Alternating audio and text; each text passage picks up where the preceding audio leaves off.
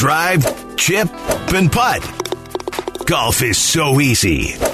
Four? Okay, maybe the occasional wedge. Let's talk golf. It's the CDGA Golf Show on ESPN Chicago.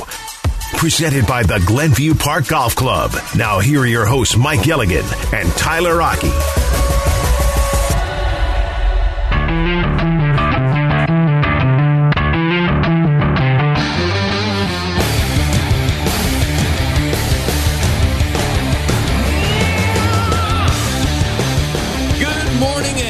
On into the CDGA Golf Show presented by Glenview Park Golf Club. Tyler Rocky and Mike Gilligan. Beautiful day here in the city of Chicago on this Memorial Day weekend. Hope everybody enjoys the long weekend. Lots of golf. One of the most popular golfing weekends. In fact, I'll be out at uh, Glenview Park later on this afternoon.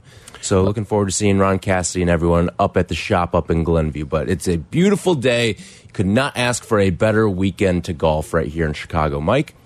Good morning, Tyler. Good morning, Chicagoland golfers. And you're right, the weather here is absolutely ideal. The only way I could be happier is to be out at Happy Valley, Pennsylvania, playing golf out there at the blue and white course with my uncle. But aside from that, I'm here in Chicago and enjoying the uh, the weather that we're having, and it is one heck of a weekend as far as weather and golfers are concerned. No doubt about that. This segment brought to you by Geneva National. Experience 54 holes of legendary golf at Destination Geneva National. So, we are on the heels of a very entertaining and dramatic uh, finish at the PGA Championship out at Oak Hill in Rochester, New York. Brooks Koepka, your PGA champion for the third time. He is a PGA champion. Um, he has now five total majors, but maybe most importantly, he is the first LIV player to take home a major. And this was something that you and I discussed probably a little after Masters time when Brooks was so hot and then obviously falters down the stretch there. But you and I were talking, hey, do you think we are going to see a LIV champion this year on the major circuit? And what do you know? Second major of the year. Here's Brooks. He dominates pretty much the entire stretch of the four days. And now he, he's lifting the Wanamaker trophy. Well, yeah, and he never blinked. I mean, he played to win and not to lose as he did at Augusta. And let's face it, this guy's a big game hunter. Yep. He just plays and lives for these majors. So if there was a guy, it makes all the sense in the world that it's Brooks. And having Brooks on the LIV side of the equation, it wasn't a question of if. I guess it was just really a question of when. Now that we know that he's a healthy guy, and that's bad news for the rest of the guys on the PGA Tour. No doubt about that. And listen, it wasn't just Brooks that was atop the leaderboard among LIV guys. Bryson DeChambeau was up there as well. Cam Smith made a late charge on that final day, too. He finished with a top 10 as well. So there was LIV littered throughout that leaderboard once again, just like we saw at the Masters in the first major uh, of the calendar season. So this is going to be a thing. These guys get up for this event. And I think when one of the biggest surprises, and we talked about it last week, was the fact that Bryson was there. And even though he, he didn't finish inside uh, in that final pairing, that like he was there strong pretty much the entirety of, of this tournament. In fact, he was one of the most impressive players in the entire tournament. Um, from wire to wire too. Like he got out racing on that first day, had the lead after the first day, and then just kind of held steady those next couple of days. Um, but he he put together a, a, fantastic four days, and even though Cam Smith wasn't great those first couple days, he rallied back with a monster round four. And I think this LIV this LIV tour was well represented at the PGA's, and of course they they have the cherry on top to show for it too with a champion in Brooks Koepka. No doubt, Brooks. You know, Brooks just was better than the rest, and mm -hmm. Bryson had a very formidable showing, as did the guys you just mentioned. And what the PGA Championship taught me is that these guys are without a doubt playing with a chip on their shoulder. And for all of those of you who said these guys are going to take the bag of money and just never practice and their games are going to be, you know, dull and really not a lot of fun to watch, uh, no, absolutely dead wrong. And I think this success is only going to continue to fuel the fire. And the other thing that these LIV players have going for them is the schedule. Yeah. it's allowing them to do exactly what they want to do. And it, it kind of reminds me a little bit of what Tiger did when he turned pro. He had $60 million in the bank between three different sponsors before he put the ball on the tee as a professional. So now he was wired to win majors. These guys are doing the same thing. And the LIV calendar is going to allow them to do that. And so, you know, the, the, the players on the PGA Tour need to be aware because yeah. I, I my I did not think they were going to fare as well as they did at Oak Hill. So, you know, what could happen out in California is anybody's guess at this point. But I, I, I can't wait already for the right. U.S. Open, and that's unfortunately the state of the state that we have is that we're going to get to see this four times a year, and that's it. Yeah, it, it was fantastic to watch down the stretch there, and you just look at, I mean, it wasn't just those three guys, too. You look at some of the other guys that were just in the thick of things as well. Mito Pereira finishes with the top 20. Uh, Patrick Reed also sneaks his way into the top 20 as well. Like, there's there's good representation from the LIV guys in this. And Brooks, you just look at what he's done because it's interesting, too. He hasn't been that spectacular on the LIV tour. I mean, you look at this week, and I think even he said it as well. He wasn't expecting to play very well this week because well, if you've watched any of the NHL or NBA playoffs, he's been at all the games. Um, but on top of that, too, like these majors, I think take a lot out of him, and this is what he signs up to golf for. He doesn't care that much about the LIV events. I mean, you look at it right now, I think he's in like 38th place right now in the, the event taking place up in DC right now. But you look at these majors and he finishes runner up and he finishes in a and he finishes as as the champion too. Like this is always who Brooks Koepka has been. And it's amazing to see a little over a year removed from what we saw on that full swing documentary. Remember the state of uh, emotion that he was in? Mm -hmm. wasn't looking good. And I think a lot of people watched that full swing episode and said oh boy that guy's not winning a major ever again and what do you know he's finished in a top five and now in a as a champion in the the first two since we've seen that documentary, and it's pretty remarkable to see him yeah. completely turn around his game and, and also look healthy too. Oh, absolutely. And when I watched that documentary, I actually started to feel sorry for the guy. Yeah. But now all of a sudden, what I saw at Oak Hill, he's the old Brooks of old. I mean, he is he is who he is, and he just marches to the beat of a different drummer than the rest of the guys. The way he views the world and the way he sees the world and the confidence that he has back in himself. And the guy that was on, you know, full swing a year ago versus the guy that was in the media tent uh, this past Sunday, uh, two different stories, two different tales, and really two different guys. It was, yeah. I, I didn't think we'd get back to this level of Brooks, and, and I was wondering too what would his follow up act be after his strong showing at the Masters, but he fades at the end? He was one of those guys, he was looking to go wire to wire as a champion there. Um, but then he just sort of faded a little bit in that fourth round. He said it haunted him. He couldn't sleep after he dropped that. And now he gets to the PGAs and he has a complete rebound performance. And I didn't know if we were going to see that level of Brooks after seeing that devastating loss out at Augusta and then the turnaround that he puts together to go out and post this low score. The finishes two strokes out ahead of Scotty Scheffler, who, by the way, was fantastic once again. I mean, the guy's just a machine at this point, and it's also worth noting Viktor Hovland um, put together a nice round. He's in the thick of things once again. I mean, you look at these final three or the top three guys in this tournament: Brooks, Scotty, Vic, all young guys two of three have been major champions before. Like this is a good crop of guys to watch, and I think an interesting group that we'll be monitoring the rest of the year as the major calendar continues. Well, yeah, with Scotty's performance, he's elevated himself back into number one. So it's hot potato, right, between Rahm, Rory, and, and Scotty. Yep. So Scotty's got the potato. And Scotty is living up to the the number one ranking at yeah. what he's doing over at uh, Colonial today, or this weekend. Yeah. But uh, to your point, Viktor, it, again, here's a kid who quite easily I could see winning the U.S. Open. Um, he's got game and he plays pretty fearless. But the thing that Brooks was able to do, and I found it interesting, he wouldn't reveal the secret. Well, he did actually reveal the secret. He had self doubt Mm -hmm. And for Brooks Koepka to have self doubt, that's not Brooks. So he decided that I am not going to play to lose. I am just going to go out there and play to win. And it is a lot different when you play with an attack mode versus, you know, a, a very passive mode. You know, there's the old saying, you know, champions, you know, make things happen. Mm -hmm. Losers allow things to happen. And so Brooks decided, I'm not going to be a loser. I'm just right. going to go out and make it happen. You look at his final round scorecard seven birdies, four bogeys. That's someone that's going for it right oh, yeah. there. All right, you're going to make some mistakes with those four bogeys, but you're in attack mode with those seven birdies. And I know a lot of guys shot low on that fourth round, but you look at the way that he approached that final round, it's exactly that. Usually on that final scorecard in these majors, you'll see a lot of par, par, par, par, par, just guys playing it safe. You're trying to preserve a lead as opposed to, it's kind of like the, the old prevent defense, right?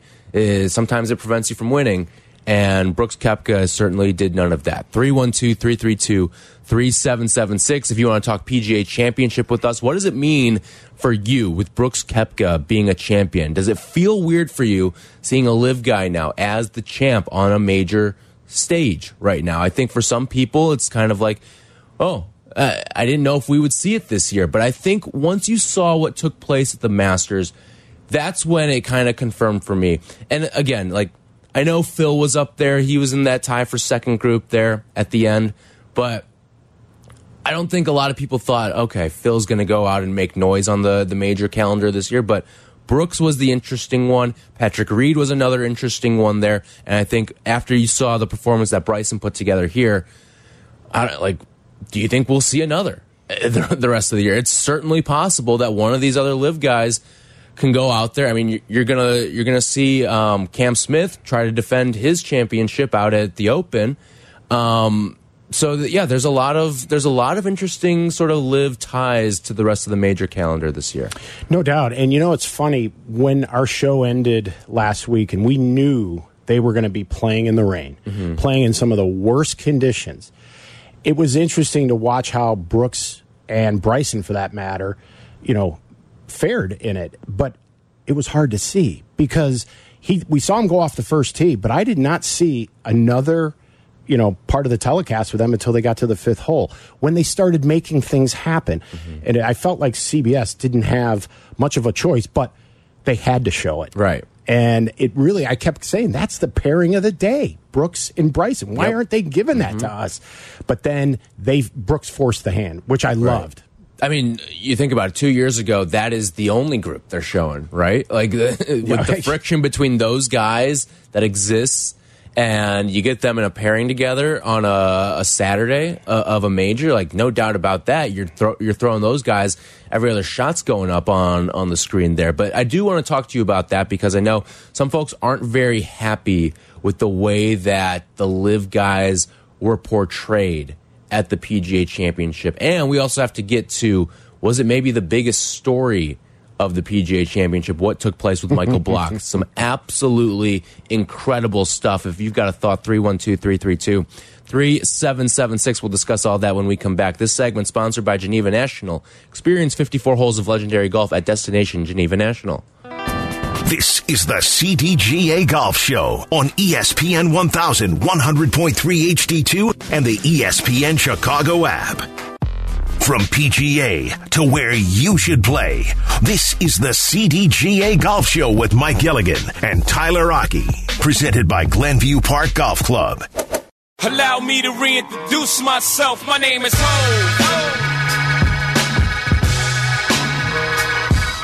Segment brought to you by Zero Friction and their new Wheel Pro golf bag and Tullymore Golf Resort Experience, a Michigan masterpiece. Tyler Rocky and Mike Gilligan talking golf with you every single Saturday throughout the golf season right here on ESPN 1000, 8 to 10 a.m. Today we're off half an hour early for White Sox Weekly with Jesse Rogers. So We've got a lot to pack in here on this PGA Championship recap episode today, but um, one of the things that you brought up there, Mike, was the talking about the coverage of some of these LIV golfers and uh, CBS Sports Chairman Sean McManus came out and kind of defended his network stance and saying we cover everyone fairly. Um, doesn't matter what tour you play on, but obviously if you're watching this and if you're privy to some of it too, you you understand some of the barbs that are thrown out there, some of the lack of coverage. And listen, I think the stuff that Jim Nantz says is unbelievably clever and pretty funny too. Like he talked about during the Masters when I think it was Brooks hit one on the crosswalk and he says, "Oh, he hit one on the CW Exactly. the crosswalk."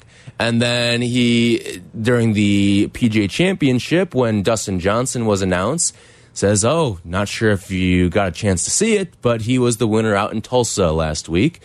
And that is, of course, in reference to the fact that the CW cut to the Goldbergs instead of airing the playoff that took place on the LIV Tour out in Tulsa. So I think they're funny. I think they're clever. Um, but I also want to see the best of the best. And if you're not showing the same amount of Brooks as you are of Scotty Scheffler or Viktor Hovland or some of your other stars on the PGA Tour, I think that's going to rub some golf fans the wrong way. Yeah, and I think that they are a little bit hypocritical because when I look at Phil Mickelson, you know, they're now saying, you know, that they're avoiding showing him when he was like the most beloved, you know, personality. They were talking about putting Phil Mickelson in the CBS booth. Right. That's one point of his career. And now they won't even show him. Right. And even at the Masters. even at the Masters. when he's making his run on that Sunday. and how strongly Jim Nantz must feel. They booted him out of his, their fantasy football league. Yeah. So he went from, you know, the golden child to, you know, yesterday's news. And I definitely see and feel the difference in the telecast, especially how they used to be covered, um, let alone when they're actually in the hunt. And I, for the first time, really, really felt it on that Saturday morning because I couldn't wait to see what was going to happen with Brooks and Bryson.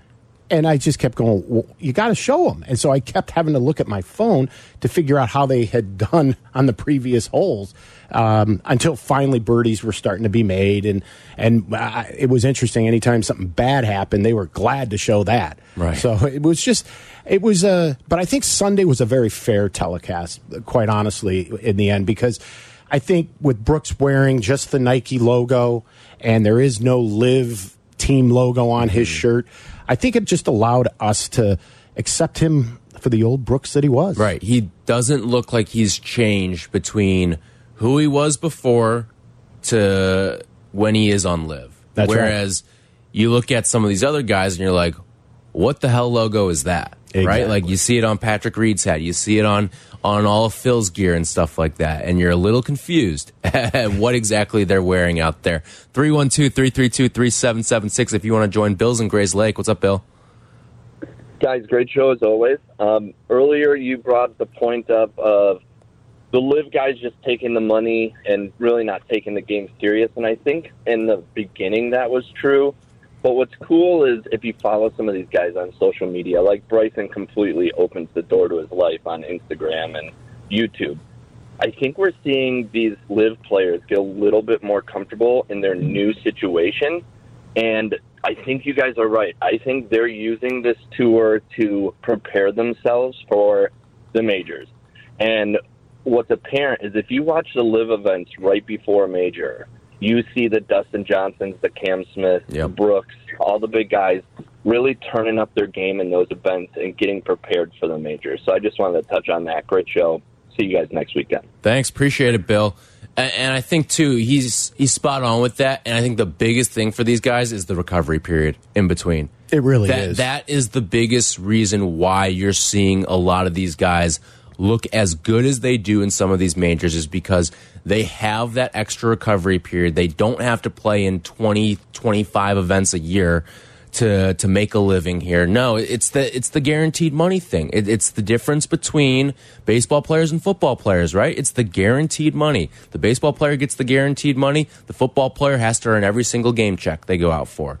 And I think you're seeing the same thing play out here in LIV versus PGA Tour. LIV, you got the guaranteed money, money's in the bank. You go out and play, you got a chance to earn some bonuses and incentives on top of it. PGA, you got to earn every single penny that you make on that tour it, it- by playing. There's no way around it. If you do not make cuts, you will not get paid for the duration of the year aside from your sponsors. Well, you and Bill are absolutely spot on. And it is just that way. But what these guys are enjoying is the financial security. In fact, when we interviewed our friend of the show, Nick Hardy, one of the first things he said that win did for him is all of a sudden his life changed because he's got security, both Yes. how he's going to play, but both on the financial side. These guys now have, you know, that that comfort and that security. And Bill, you know, mentions the, the, the schedule and how it how it works for him. And there's no doubt about it. They they are getting more comfortable in the decision that they made. And and actually, like if you watched Washington, I watched a few holes of it. Their crowds were a lot better than last year at Washington. Now, mm-hmm. were they Australian crowds? No. But were they better than last year? Yes. So it's progress, not perfection. Yep. This was the other story of the PGA Championship. This looks good. You just fly that in the hole? No, it didn't go You in. just fly that in the hole? You are joking. This dude is unbelievable. Let's take one more look at this. Oh, my oh, oh. gosh. They might have to build this guy a statue in Rochester. We tip our hats to the performance of Michael Block and what he did out at the PGA Championship. Holy cow, what he did was something that we don't see. And it is one of the greatest stories in sports that we've seen here in 2023. Michael Block, a PGA professional, a guy that you could see at your local club, goes out, finishes tied for 15th and it was just one of the most remarkable things that we've seen in sports this year for a guy who, again, most of the, we we kind of laid it out for you last week. Twenty uh, PGA pros also get into this event as well as exemptions, and these pros mostly get cut for the first two days. And if they are around, uh, they're maybe hanging towards the back of the pack, but mostly get cut. Michael Block didn't just make the cut, he made it, he thrived, and because of this, he's also coming back again next year. 18. Here we are. Hopefully, just one stroke remaining. Stay up. Get there. Yes. Magic.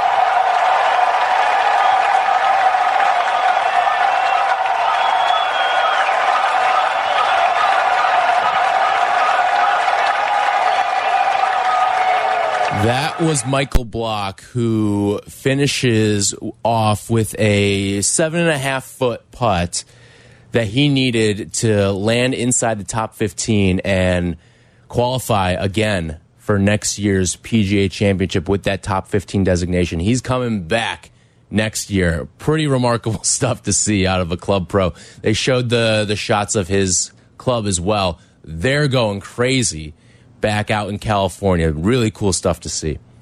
Yeah, I mean, it was must see TV, and I am so glad I witnessed all of it in, in real time. Um, well, actually, the hole in one wasn't in real time because Jim Nantz let the cat out of the that? bag. Here, so we, we played you earlier what the the ESPN Plus call was. So ESPN Plus obviously is tracking different holes and all that stuff. He puts the ace in on 15. This was the CBS call from Jim Nantz. The fairy tale story. Gets better. A home run for Michael Block. No, no, no way, no way. Roy, did it go in? So you hear Jim Nantz play a little spoiler there, and he also uh, you can't hear it there, but he does the this a moment ago, and that's usually the the tip off that something spectacular is about to happen on that hole. And when it happened, I still couldn't believe it happened. It, it almost appeared like the ball flew like over the green, not literally Right. into the hole because it happens so fast. But yeah, that was just, I mean, that's a blemish, I think, on Jim Nantz. I think he could have let that moment be Right. what it was and didn't, could have taken a page out of Vince Scully's book and just let that moment breathe. But he didn't. He kind of let the cat out of the bag. But I don't know, emotionally when you're there in the moment, I mean, you you you just want to tell the world, look what this guy just did. And I'll bet they are kicking themselves for going away to commercial at that particular moment of the but who would have thunk, right? Who would have thought? Right. But you know, it's funny, if you went to Hollywood with this script, they'd have told you to tone it down. You know, there's no mm-hmm. way this kind of thing can really happen, really.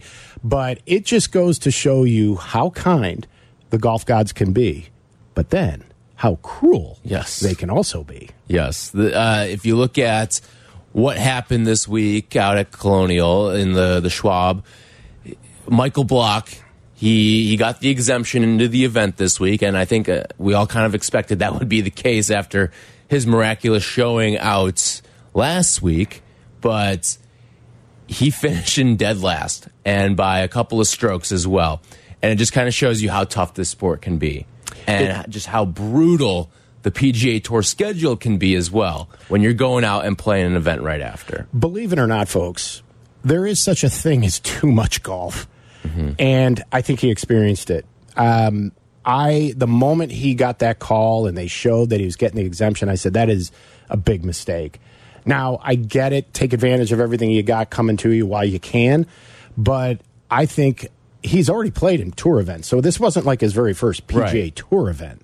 So it wasn't like Played hey, the PGAs before too. yeah, he's played. That was his fifth one, and I think he's played in one U.S. Open. So, you know, so the guy is a heck of a player. In fact, I tell you, he's an excellent player. But that just goes to show you the difference between the PGA Tour and an excellent player. He's not used to walking seven days in a row, uh, and not only a golf course, but Oak Hill that has some, you know, formidable hills and terrain. Um, and then you know you you've, you're playing like you're on all the time. The mental fatigue that he had to be going through, and then to just re ramp it right back up when you get to Colonial. And you know, from what I heard from some friends, he was in the Pittsford pub, you know, that's mm-hmm. owned by Jeff Sluman and Brad Sluman on Saturday night before his Sunday round. So this is a guy that was just out, literally having a walk in the park, freewheeling it, and he had the right attitude because he was the only one out of the twenty that made the cut. But did he ever make a presence to be felt?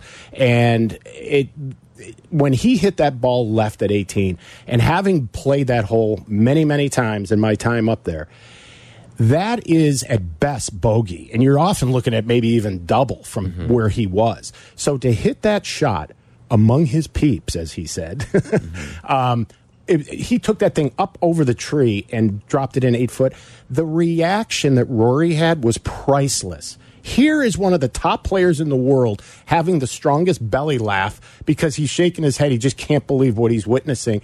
And I just thought it was just awesome for golf. You look at too the experience that he had as well. His Saturday Sunday rounds, he plays with Justin Rose, major winner, and then he plays with Rory McIlroy, major winner. Those are your two rounds that you play, and those guys got to be thinking, "What the hell? I'm I'm paired up with this guy, right?" But it was pretty spectacular, and it was a lot of fun to watch. But what was the bigger story for you from the PGA Championship? Was it Michael Block or was it a LIV player coming out on top? We'd love to hear from you. 312 332 3776. This segment brought to you by Zero Friction, the most innovative products company in golf, and by Tullymore Golf Resort. Experience a Michigan masterpiece. This is the CDGA Golf Show on ESPN 1100.3 HD2 and the ESPN Chicago app. Golf is on your mind and on the air right now. This is the CDGA Golf Show on ESPN 1100.3 HD2 and the ESPN Chicago app. Presented by Glenview Park Golf Club.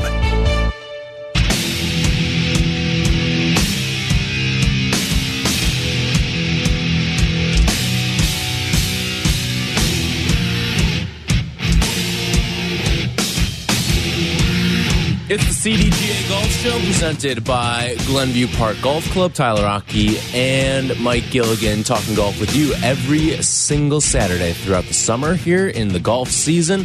8 to 10 a.m. right here on ESPN 1000. Off a half hour early today for White Sox Weekly with Jesse Rogers. This segment brought to you by Fox Bend Golf Course and by Golf Elgin, home of Bowes Creek Country Club and the Highlands of Elgin. 312-332-3776. We've been talking about what's been the bigger story for you from the past weekend. Is it seeing a LIV guy go out and win a major, or is it what we saw from Michael Block and what may be one of the biggest sports stories of the entire year when it's all said and done and we flip the calendar to 2024? I look at those two events, and I certainly do think it is the the Michael Block story. Even though he didn't win, finishing top 15 and qualifying yourself for next year's PGA Championship like that is pretty spectacular stuff. And, and I'm not saying he's just some regular Joe going out there and doing this because he's not, but he is somewhat of a, a guy off the street coming in and, and playing fantastic golf for four days right there. He sure is. He's he's a very relatable. I mean, Yeah. this guy brings his lunch bucket and goes to work. Um, you know, but the thing that I think that made it so special was his attitude and how carefree he really was and how he was just enjoying the moment and absorbing that moment up and his attitude. It's even printed on his golf ball. Why not? Yeah. So when you have that attitude, that why not me attitude, it, it's amazing what you can do when your mind is free and clear. And I think we can all relate to that at our own level where we play golf. And so I think we all have that Cinderella story in our mind that, hey, maybe someday I'll make it to this tournament and win this or do that. And we're actually watching a guy right before our eyes live the dream. And I don't know about you, but I got emotional. I mean, there were some tears for this guy because of everything that he was going through, but I couldn't be happier for the guy. Right. And it was just America fell in love with Michael Block, or as we call him, Blocky. Yeah. Th- that, I Blocky mean, Balboa. The way that he sort of i mean you he was playing for the everyman it felt like in in this tournament. He's playing with these guys that are the point one of the point one percentile right in this event. And he's not point one of the point one but he's top one to three percent Oh, in I'd say he's probably world, in the one and a half. right? Uh, But, and- but it's a big difference. Right. And he, he's learning it a little bit this week, but the way that he kind of played for the everyman, it felt like during that, that four, dur- during those four days out in Rochester, it was pretty spectacular. And now you, you see, you're going to see a lot more of Michael Block over these next, and then when you, we get to this event next year and you see him go out there and play under the exemption, it's going to be pretty cool to watch. It is. And I'll tell you the other relatable part to Michael Block is his equipment.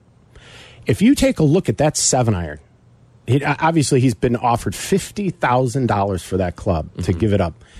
If you take a look at it, it's 10 years old. It almost looks like more like a gardening tool than it does a seven iron. It's loaded up with lead tape. You know, it's got the, you know, the the sweet spot looks like a size of a quarter from all the balls he's hit. Right. It's it's 2000 it's almost 10 years, 2014 irons. So folks, if you've got older clubs in the bag, it's not the equipment, it's you. Yeah. It's the wizard, But- not the wand. yeah, it is. It- it's absolutely. But the guy lived an incredible week. But I will say, for me, the longer story that I'd like to see where it's all going to go is not such, so much Brooks winning, but now Brooks is number two Yeah. for Ryder Cup. And so now the debate goes on. Do these guys play? Do they get asked to play? But in case of Brooks, he's going to earn his way on. Yeah. And I think that is a big relief to Captain Zach Johnson. But then you look at a guy like Dustin. He could be the guy that they use as a wild card just mm-hmm. because of what role he played in Whistling Straits. Let's not forget, he was undefeated up in Whistling Straits. He had a major part in the United States winning the Ryder Cup up at Whistling Straits. So the commonality that Brooks and Dustin both have is that they're probably the quietest among the big names that jumped over to LIV. They didn't pull a Phil, they didn't pull a Bryson. Right. So I think that those guys have the opportunity, but it's, you know, there's a lot of strong feelings for a lot of different reasons that maybe they should, maybe they shouldn't. You know, is it an exhibition? You know, is this a friendly match? Is this really between two tours or is this really between countries? So that's really going to be the debate as we go through. And I can only look for Brooks to, you know, further insulate himself uh, as a as a pure qualifier. It's just going to be interesting to see if anybody like a Dustin can do the same, and then take the pressure off of Zach to having to actually pick him. Yeah, I, I think you look at what Brooks has done, and Zach Johnson is kind of. He, hasn't said a whole heck of a lot. I think he certainly has left the door open to allow some of these LIV guys onto the team. And, and I think Scotty Scheffler has come out and said, like, listen, we want the best guys out there. And, and it, Brooks is the best guy going right now. And maybe you can't see it because of the fact that he doesn't play as many events and doesn't really get up for as many of the LIV events as you maybe see Scotty go out like he is this week so far and get up and go for some of these PGA Tour events. But Brooks is probably the the hottest golfer right now when when the stakes are high. I don't know if there's a golfer out there that you want more than Brooks Koepka right now, and that's including Scotty Scheffler because of the way that he's elevated his game during championship level events. Exactly. And his experience in majors, he won four majors in 24 months and then got hurt. He's healthy now and he's still young. He's at the he's approaching the peak of his prime. I mean, how could you not leave a guy on or off the team with a with a record and a and a confidence now? Um, I guarantee you, Brooks is going into the U.S. Open with some swagger like we haven't seen in a couple of years, and rightfully so. So it's going to be interesting, and I think he's going to actually elevate the rest of the, his colleagues over on LIV to play some really, really good golf in the future for us to witness in the last two majors of the year. Yeah, I think you're right, though. I, I do think we ultimately see Brooks on this team. It'd be very, very hard to leave off. DJ, I think the same thing there. Couple interesting ones, like you think about someone like Patrick Reed. And I know he's ruffled feathers there before, but he's played some good golf in the majors. Top 20 this week. He was a, a top five at, at the Masters. Like, that's another name that I think is going to be interesting to watch. Yeah, no doubt. Um, the only problem with him is, you know, when you build a team, a lot of it has to, there's got to be a certain chemistry. Yeah. And I think by putting Patrick Reed into the mix, it's kind of trying to mix oil and water. Yeah. It's just not really going to work, and it's probably not going to end well. Um, so I think guys like him, Phil, Bryson, as far as an at-large pick, I don't think they stand a chance. Yeah. Um, I just think it's it's going to be DJ and Brooks are are the two. They're they're both pals as it is, so it makes sense. Let's bring that pair, and then let's just leave them as a pair. Yeah. Let's let them play alternate together. Let them play best ball together, so that we don't have to have those guys interacting and mixing with maybe some of the Americans. That may be one of the the thoughts that goes through Zach's mind because then on Sunday it'll just be singles. But yeah, it's it's uh, it's going to be great to great to see. Yeah. How do you think this all shakes out with the Ryder Cup? 312 332 3776. Will we see Brooks, DJ, any of the other LIV guys as a part of the fold? We'd love to hear from you. 312 332 3776. This segment brought to you by Fox Bend Golf Course and by Golf Elgin, home of Bowes Creek Country Club and the Highlands of Elgin. More golf ahead. The CDGA Golf Show on ESPN 1000, presented by Glenview Park Golf Club. How's your golf game? Yeah, mine too, but more on that later. It's time for more golf talk on the CDGA Golf Show, your guide to golf around the world and in your neighborhood. The CDGA Golf Show on ESPN 1000. Now, here are your hosts, Mike Gilligan and Tyler Rocky.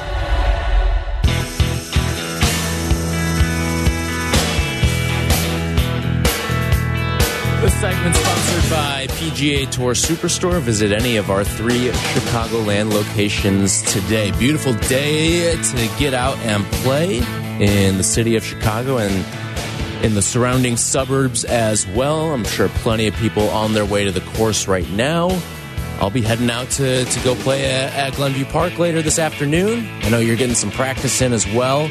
It's it's been tough to to find some tee times this weekend too. You had to really be out ahead of it. Of course, it's a holiday weekend, but it's also just going to be a beautiful weekend for golf as well. Oh, no doubt. I, I was just out at Fox Bend yesterday, and I could not. I, as a single, I thought I'd get off early afternoon. The first time was after four o'clock for a single. Mm-hmm. So I'm going to head out to Cantigny to practice, then play Fox Bend tomorrow. Beautiful stuff. I, I know a lot of people. Th this is a weekend like you sneak in two, sometimes you even get three Yep. rounds in between Friday and Monday. That's So it's it's one of the it may be the best golfing weekend of the year, especially if you get weather like this. If you get weather like this, this is one of my most favorite long weekends of the year. Yeah. Um, Labor Day just seems like It's a little too late in the season. yeah, and it's Sometimes it's a- tough. it's a prelude for going in the tunnel. Right. And, See- and it's also one of those ones where you don't, it's sometimes tough to get everyone together. Like some people Right. have packed it in by Labor Day. Yeah. Or are, are just done.